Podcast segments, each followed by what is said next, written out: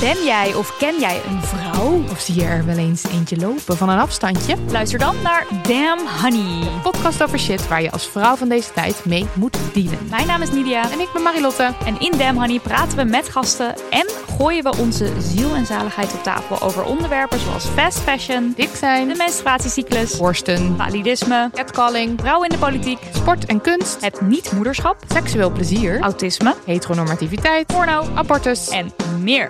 Elke zaterdag in je podcastfeed.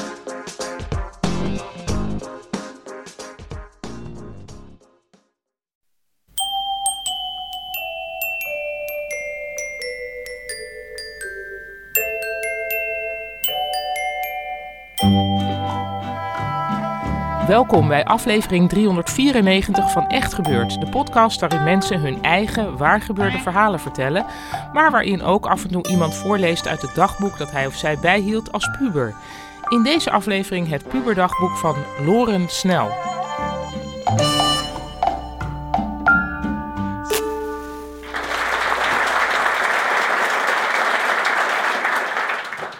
Oké, mijn tienerdagboek. Hè? Eh, schreef er nogal wat vol, maar eh, waar ik vooral veel over schreef was mijn tijd bij het Noord-Hollands Jeugdorkest. En eh, ik schrijf dan ook op 29 september 2008, lief dagboek, ik ben aangenomen bij het NHJO. Dan ben ik 15. Een paar maanden later, 13 januari 2009. Hij is blond, hij is lang, hij is knap en hij heeft de grootste ego van de hele planeet. Toen ik net aangenomen was op het NEO, vertelde Anne me over hem. Hij klonk als een flirterig type. Maar toen ik hem in het echt ontmoette, werd ik al snel terechtgesteld. Tijmen was geen flirt, Tijmen was een Uberplayer. Loren, yes, was het eerste wat hij zei op MSN. Zo vrolijk als hij het gesprek opende, zoveel capsones stoonde hij in het daaropvolgende gesprek. Hij was goed gebekt, flirterig. Jij ontbrak nog aan mijn lijst van alle knappe orkestmeisjes. En grappig, ik kan mijn veter strikken met mijn tong. Maar zijn opschepperige ego heerste. Hij vertelde me hoeveel huis hij heeft, vijf. Dat zijn vader miljonair is, hoe goed hij is in rugby en hoe goed hij kan zoenen. Hij eindigt het gesprek met: Dag, lekker ding. Was een tijdje geleden dat ik zo met iemand op MSN had gezeten. Als ik al ooit zo met iemand op MSN zat. 1 maart 2009 schrijf ik Liegdagboek. Ik ben in de zeer vroege ochtend van 28 februari tot nummer 8 gekomen. Nummer 8, jongens.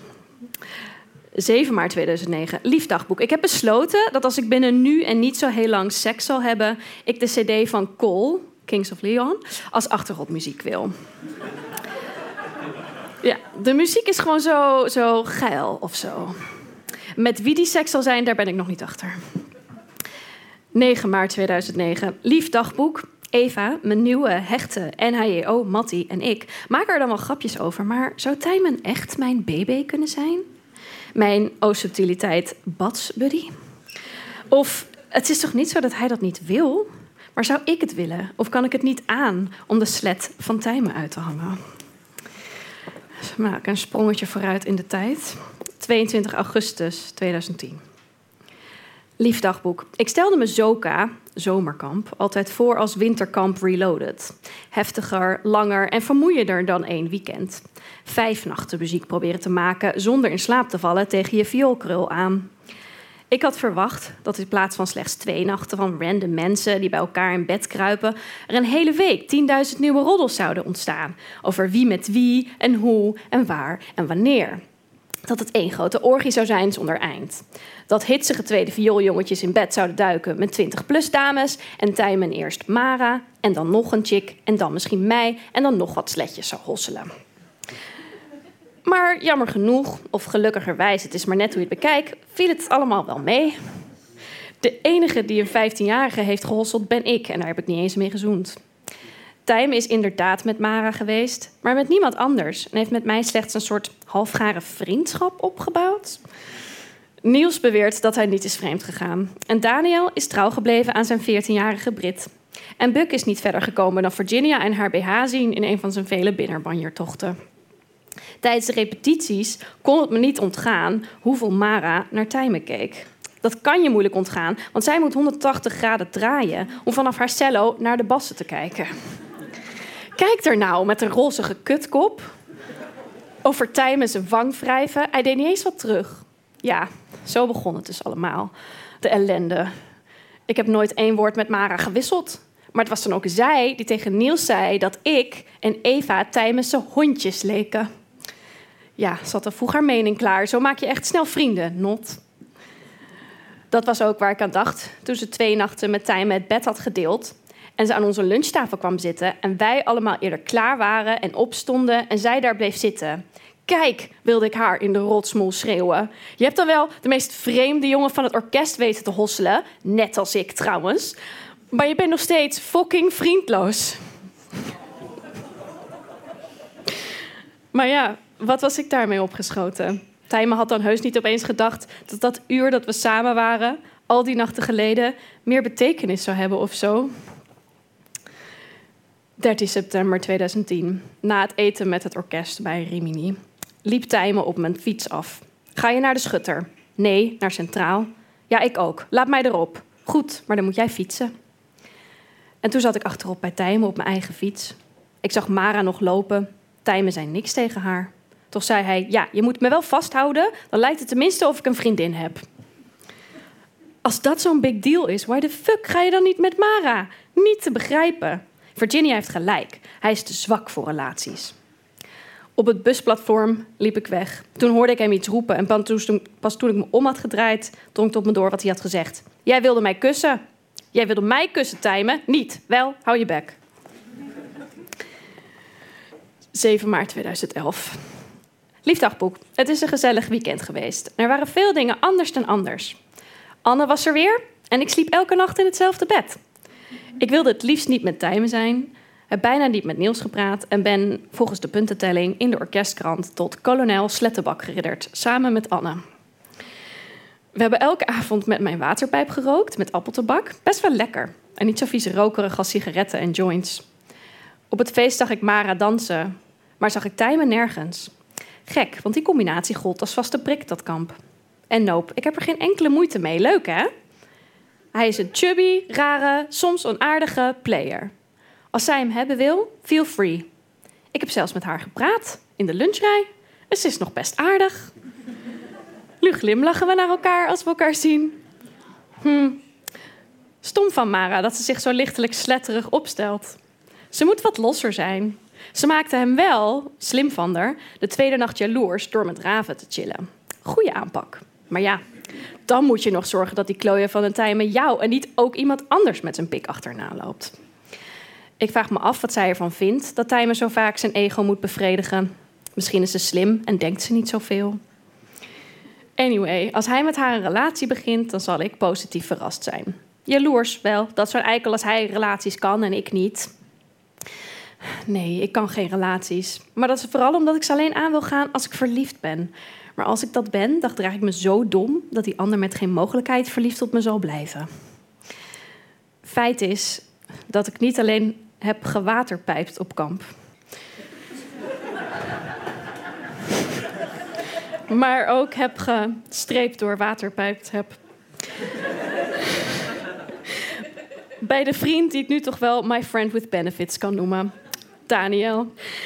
De tweede nacht was ik klaar met de waterpijp en hobbelde ik tegen drieën met mijn tas en pijpgevolg, oelala, terug naar binnen.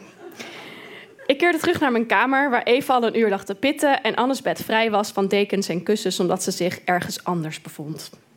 Er werd op de deur geklopt. Daniel kwam binnen of hij hier mocht slapen. Dat had hij buiten ook al gevraagd en ik vond het oké. Ik lag toch niet met de jongen die ik wilde in bed en het was te laat om dat nog voor elkaar te krijgen. We lagen op mijn matras, allebei in een donzen slaapzak. We gingen naar zijn iPod luisteren, Pink Floyd, en kletsen. Over hoe ik in elkaar zat, weet ik veel. En over hem en over Brit. Het is weer aan, natuurlijk, maar het zit verder goed fout. Tijdens dat het uit was, ging ze met twee van zijn vrienden. En nu het weer aan is, vertrouwt hij haar nog steeds niet. Wij zijn allebei niet echt carpe diem, hè, jij en ik, zei hij opeens uit het niets. Wat bedoel je? Nou, we tobben allebei te veel. Dat is waar. Daniel zei dat ik eens verliefd moest worden, een boy moest vinden. Ik zei dat hij na moest gaan of Brit en nog compatibel waren als vriendje en vriendinnetje. We knikten ja tegen elkaar. Inderdaad, dat was wat we nodig hadden. Ik liefde en hij een relatiecheck-up. En toen sloegen we allebei de plank mis. We hebben gevreden. Ik geef hem weer de schuld. Hij begon dat hij een nachtzoen wilde terwijl ik met mijn rug naar hem toe lag. Dom van mij ook om te denken dat alleen met je bil en rug naast een jongen liggen voldoende voor je is. Als je dat eenmaal doet, wil je sowieso meer. Ik gaf hem een nachtkus en die nam hij met open mond als tongzoen in ontvangst. 13 maart 2011. Kolonel Slettenbak spreekt tot u. Lief dagboek. Vandaag was het eerste post-winterkampconcert in Purm, Purmerend. Daniel gaat weg bij het NEO. In ieder geval tot en met Zoka. Hij zei me dat aan het eind van de repetitie. Ik keek Sip en hij werd verdrietig. Hij zit nog steeds met Britboje in zijn kop, want hij heeft het niet verteld en gaat dat niet wel, niet wel doen. Hij houdt zichzelf voor de gek. Ik zei dat hij over vier jaar op deze periode terug zou kijken en zich zou afvragen waar hij in godesnaam mee bezig was. Ik zei dat hij moest doen wat hem gelukkig maakte, maar hij maakte daar niet te veel nadenken van. En dat is niet hetzelfde. Gossie, shit, ik geef al te veel om hem. Kappen, nu. 11 april 2011, lief dagboek. Tja, dat van Daniel en mij was ook best hypocriet. En heeft veel trouble veroorzaakt. For no reason. Maar ach, het was wel lekker hypocriet. Je kan maar beter denken, had ik maar niet, dan had ik maar wel. En Daniel is toch gewoon best lekker, kan ik het helpen. Dat was het, dank jullie wel.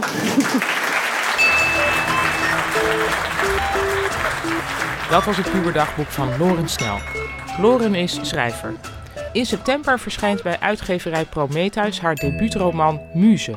Als je al een voorproefje van dat boek wilt, dan kun je op 7 maart aanstaande gaan luisteren tijdens het literaire evenement Notes of a Dirty Old Man in Barbikowski in Amsterdam, want daar leest Loren dan voor uit het manuscript.